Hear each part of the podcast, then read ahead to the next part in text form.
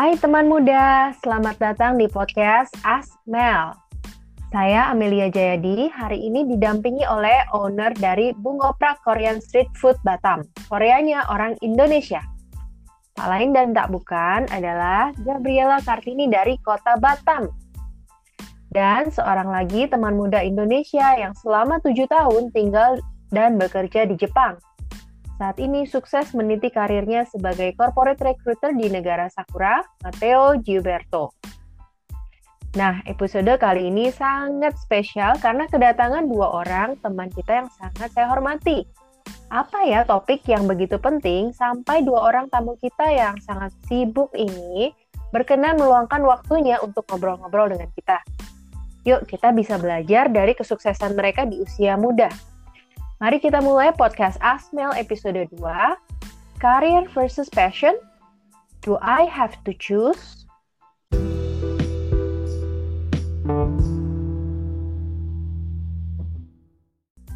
Pastinya banyak teman muda yang saat ini lagi semangat meniti jenjang karir di sebuah perusahaan, atau juga yang masih kuliah, sedang mengincar pekerjaan idaman. Ada juga teman muda yang menjalankan bisnis sendiri, bersama teman, ataupun milik keluarga. Nah, menurut saya, karir atau bisnis itu penting banget. Baik perempuan, laki-laki, pasan 20-an, 30-an, 40-an, dan seterusnya kita semua perlu pekerjaan di mana kita dapat mengembangkan diri kita, membawa manfaat bagi masyarakat luas, dan penghasilan. Yes, we all need some of that kecing going on. Nah, ada beberapa pertanyaan nih yang sudah muncul di Instagram @amelia_jayadi berkaitan topik kita bulan ini. Yuk, langsung kita bahas pertanyaan pertama. Saya sering berpikir membuka bisnis sendiri akan memberikan saya penghasilan yang lebih besar. Wah, 82% responden IG Story menjawab iya. Nah, kalau menurut kamu sendiri sebagai business owner, gimana nih, Gap? Wah, thank you so much, Ci Amel udah memberikan pertanyaan itu. Um, kalau buat saya pribadi itu banyak faktor ya yang um, mendukung gitu. Apakah um, berusaha itu lebih baik daripada kerja kantoran? Well, terga banyak faktor yang yang berpengaruh. Apakah um, produk kamu bagus? Apakah kamu bekerja keras? Apakah kamu bisa tidak berhenti berinovasi? Dan apakah produk kamu dicintai banyak orang? Nah, produk kamu dicintai banyak orang pun belum tentu penghasilan kamu bisa melebihi kerja kantoran juga ya kan. Jadi banyak sekali faktor yang berpengaruh gitu. Kalau buat saya sih gitu, Ci. Jadi kita nggak bisa, saya saya pribadi nggak bisa menjawab, nggak memberi, nggak bisa memberikan jawaban ya atau enggak gitu. Thank you, keren banget insight-nya buat pendengar podcast kita ya. Jadi itu semua tergantung dari faktor tersebut ya. Wah ini 82% responden berarti mendapatkan uh, insight yang uh, sangat berguna sekali untuk mereka uh, mempertimbangkan kembali nih faktor-faktor apa aja ketika mereka mau memulai sebuah bisnis. Nah, selanjutnya pertanyaan ini buat Matteo. Jika saya memiliki masalah dengan atasan di tempat kerja saya, sehingga karir saya kurang berkembang, apa yang harus saya lakukan? Gimana menurut kamu, Theo? Ya, per pertama thank you Amel untuk um, invite kita di sini. Dan untuk menjawab pertanyaan, jika kita memiliki masalah dengan atasan kita di tempat kerja, jadi untuk menjawab ini tuh um, jawabannya adalah tergantung, depends. Kenapa? Karena menurut saya itu depends sama masalahnya itu. Dan apakah masalahnya itu sebenarnya dari dia atasan kita atau justru dari kita sendiri? Um, jadi ada satu buku yang saya waktu itu baca itu sangat bagus karya Stephen Covey. Itu judulnya adalah The Seven Habits of Highly Effective People. Dan dia mention um, beliau mention kalau misalnya sering kali masalah itu timbul karena justru berasal dari dalam kita, diri kita sendiri. Disebutnya prinsip inside out gitu. Dan salah satu solusinya adalah untuk membenahi diri kita sendiri dan tanya jujur sama diri kita sendiri apa itu masalah dari diri kita atau dari luar? Contohnya misalnya kita sering kali komplain wah kerjaan banyak lembur. Wah habis itu time managementnya kacau. Ujung-ujungnya kita menyalahkan atasan kita working environment dan lain-lain. Tapi apakah pernah kita um, introspeksi tanya diri kita sendiri jujur sebenarnya itu masalah dari lingkungan sekitar atau justru dari kita. Siapa tahu bisa aja karena kita sering main um, sosial media saat kerja atau mungkin cara kerja kita nggak efektif ujung-ujungnya jadinya kerjaan nggak bisa selesai tepat waktu dan banyak sekali lembur macam-macam dan emang nggak gampang untuk jujur ke dalam diri kita sendiri dan kita um, secara manusiawi punya tendensi untuk menyalahkan lingkungan sekitar kita. Dan tapi again um, kalau misalnya itu ternyata dari dalam diri kita sendiri dan kita menyalahkan lingkungan sekitar, itu nggak bakal menyelesaikan masalah. Kenapa? Contohnya, misalnya itu salah kita, tapi kita ujung-ujungnya decided untuk ninggalin company dan kita loncat ke company lain. Dan menurut saya itu bakal menimbulkan masalah baru karena ujung-ujungnya kita bakal jadi kutu loncat yang justru nggak bagus buat karir kita dan kita pindah ke company lain tapi karena kita masih ada penyakit itu masalah misalnya kita nggak bertanggung jawab kita suka main HP saat pekerjaan. Ujung-ujungnya masalah yang sama lagi masalah yang sama lagi lompat lagi masalah lagi lompat lagi dan nggak bakal selesai kan masalah kan. Jadi seperti sebuah rantai yang tidak terputus.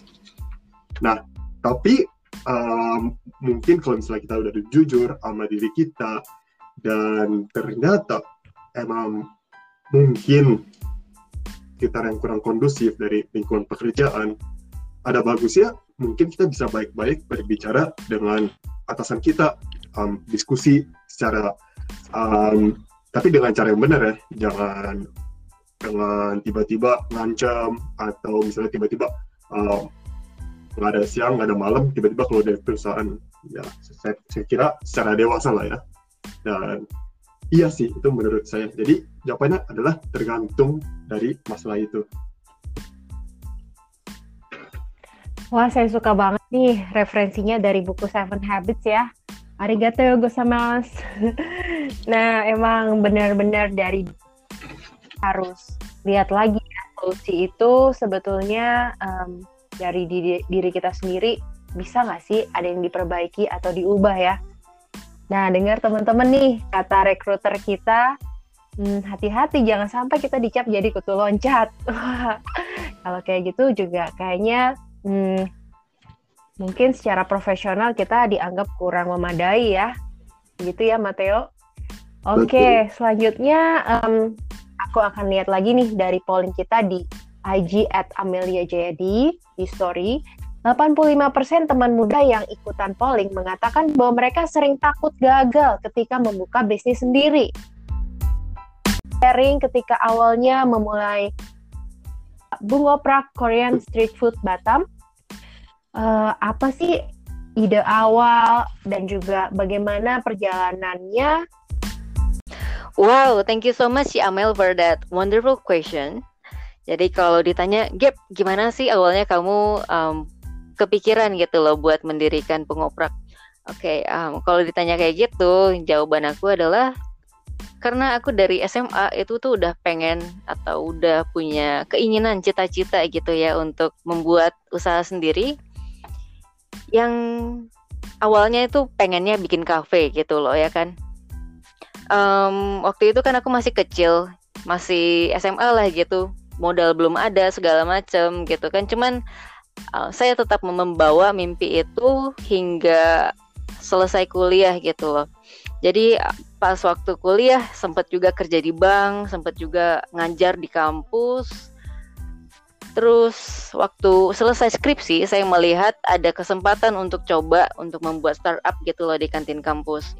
Nah ya udah saya iseng aja coba apply, saya coba minta restu dari orang tua dan ternyata dikasih.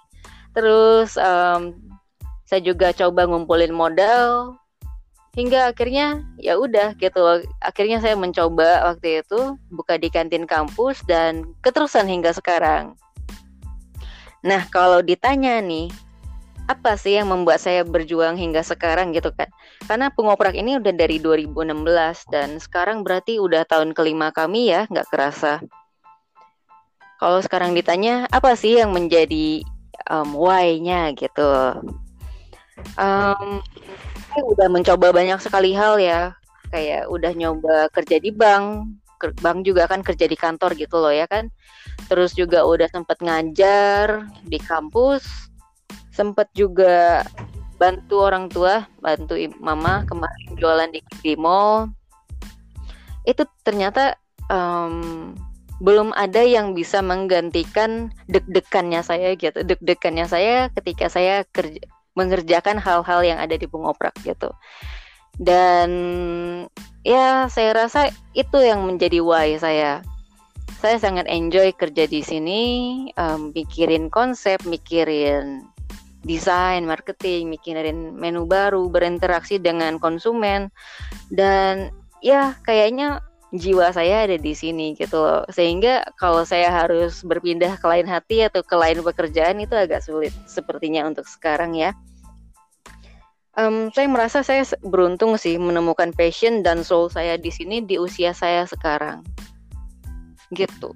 Jadi kayaknya kalau kita kerja atau kita menemukan sesuatu yang sesuai dengan passion kita itu tuh benar-benar benar-benar apa ya?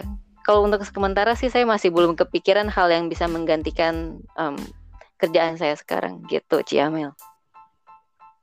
Luar biasa banget pengalamannya, Gaby. Gak banyak loh teman-teman muda yang punya keberanian dan passion, semangat tinggi seperti Gaby, bener-bener salut nih. Thank you ya udah sharing hmm, sama-sama dengan hmm, memulai usaha sampai dengan hari ini berjuang uh, mengemudikan bungoprak Korean Street Food Batam. Nah, sesuai judul episode kali ini, Career versus Passion, Do I Have to Choose? Yuk kita sekarang tanya ke Mateo sebagai seorang profesional muda yang sukses, why having passion is important dan gimana cara menemukan atau mengembangkannya. Oke, okay, thank you pertanyaannya Mel. Very good questions. Ya, untuk pertama, why having passion is important?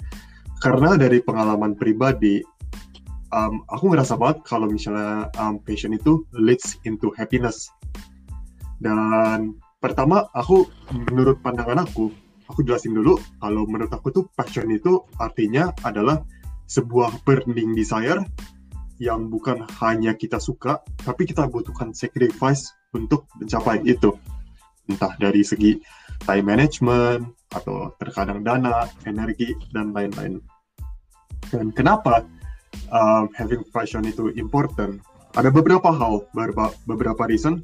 Yang pertama, passion itu makes our life colorful ya dari pengalaman pribadi daripada kalau misalnya kita um, hidup hanya bangun tidur makan kerja tidur dan diulang-ulang terus itu rasanya cukup berat loh.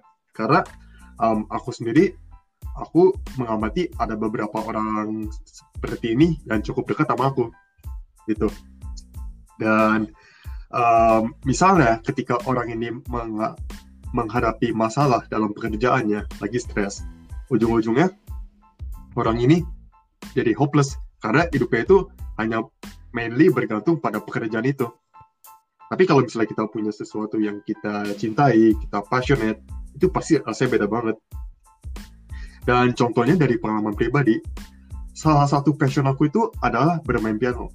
Jadi aku belajar main piano dari dua tahun lalu dan di Tokyo sekarang ini aku ngeles um, setiap minggu dan juga setiap hari aku latihan sebelum kerja misalnya satu jam gitu.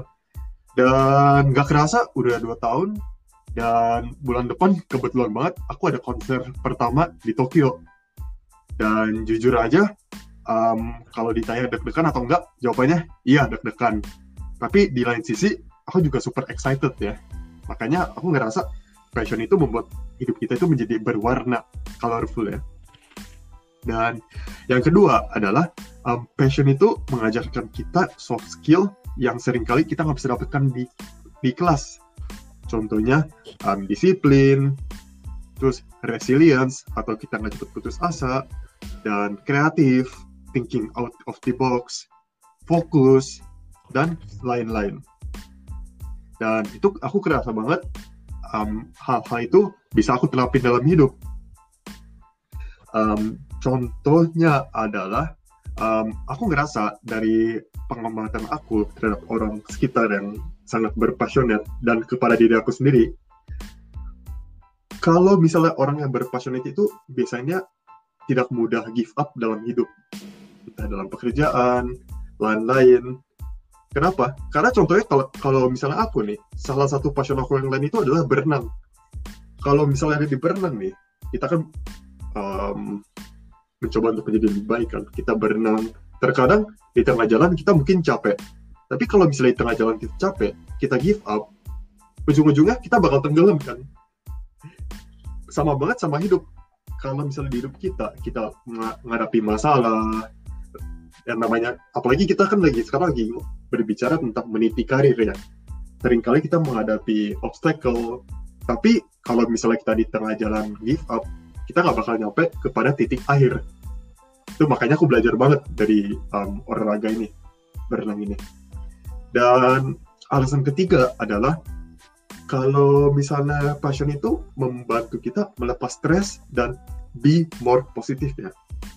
Contohnya um, dari olahraga, exercise, itu secara saintifik itu menunjukkan kalau itu bisa melepas stres karena itu tubuh kita itu um, melepas hormon adrenalin dan kortisol yang itu membuatkan stres dan juga membuat meningkatkan hormon endorfin yang membuat stres kita menjadi stabil.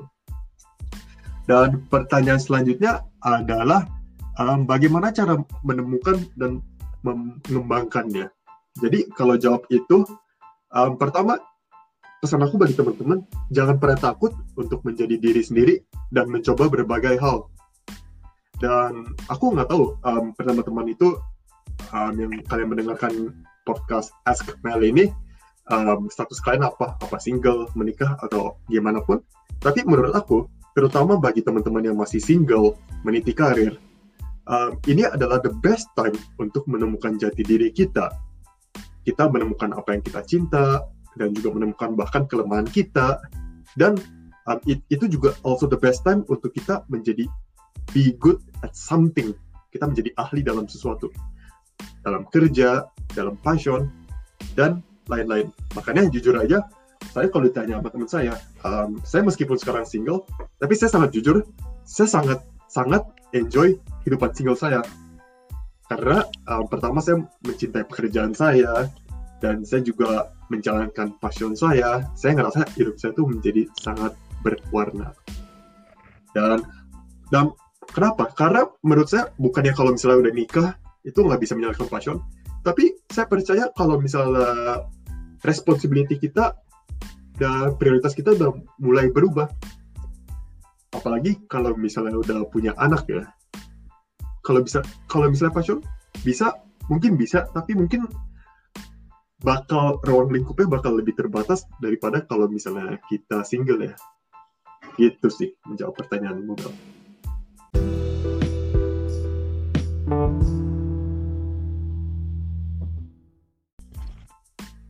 Terima kasih banget Gabi dan Matteo yang udah menginspirasi banyak hal mengenai passion, karir, dan bisnis. Ternyata passion bisa menginspirasi kita untuk menekuni sebuah bidang ya. Untuk pengembangan diri, hobi, karir profesional, dan juga untuk bisnis ataupun usaha. Nah, buat penutup podcast kita kali ini, hmm, saya mau share dari sebuah buku yang berjudul Ikigai, The Japanese Secret to a Long and Happy Life Nah, di situ diceritakan mengenai warga Okinawa, sebuah pulau di Jepang, memiliki penduduk berusia di atas 100 tahun yang terbanyak di dunia, centenarians. Mereka dapat hidup sejahtera dan panjang umur karena memiliki ikigai, yaitu alasan yang mendorongnya bangun setiap pagi hari dan memberi makna bagi hidup kita. Nah, untuk teman-teman muda yang pengen tanya-tanya dan ingin berdiskusi lebih lanjut lagi tentang topik-topik podcast episode kali ini, langsung follow dan komen di Instagram at Amelia Jayadi, A M E L I A D J A J A D I. Kirimkan DM kamu dan partisipasi juga di IG story kita. Nantikan terus ya konten menarik setiap minggunya dan sampai jumpa di episode selanjutnya podcast Ask Mel.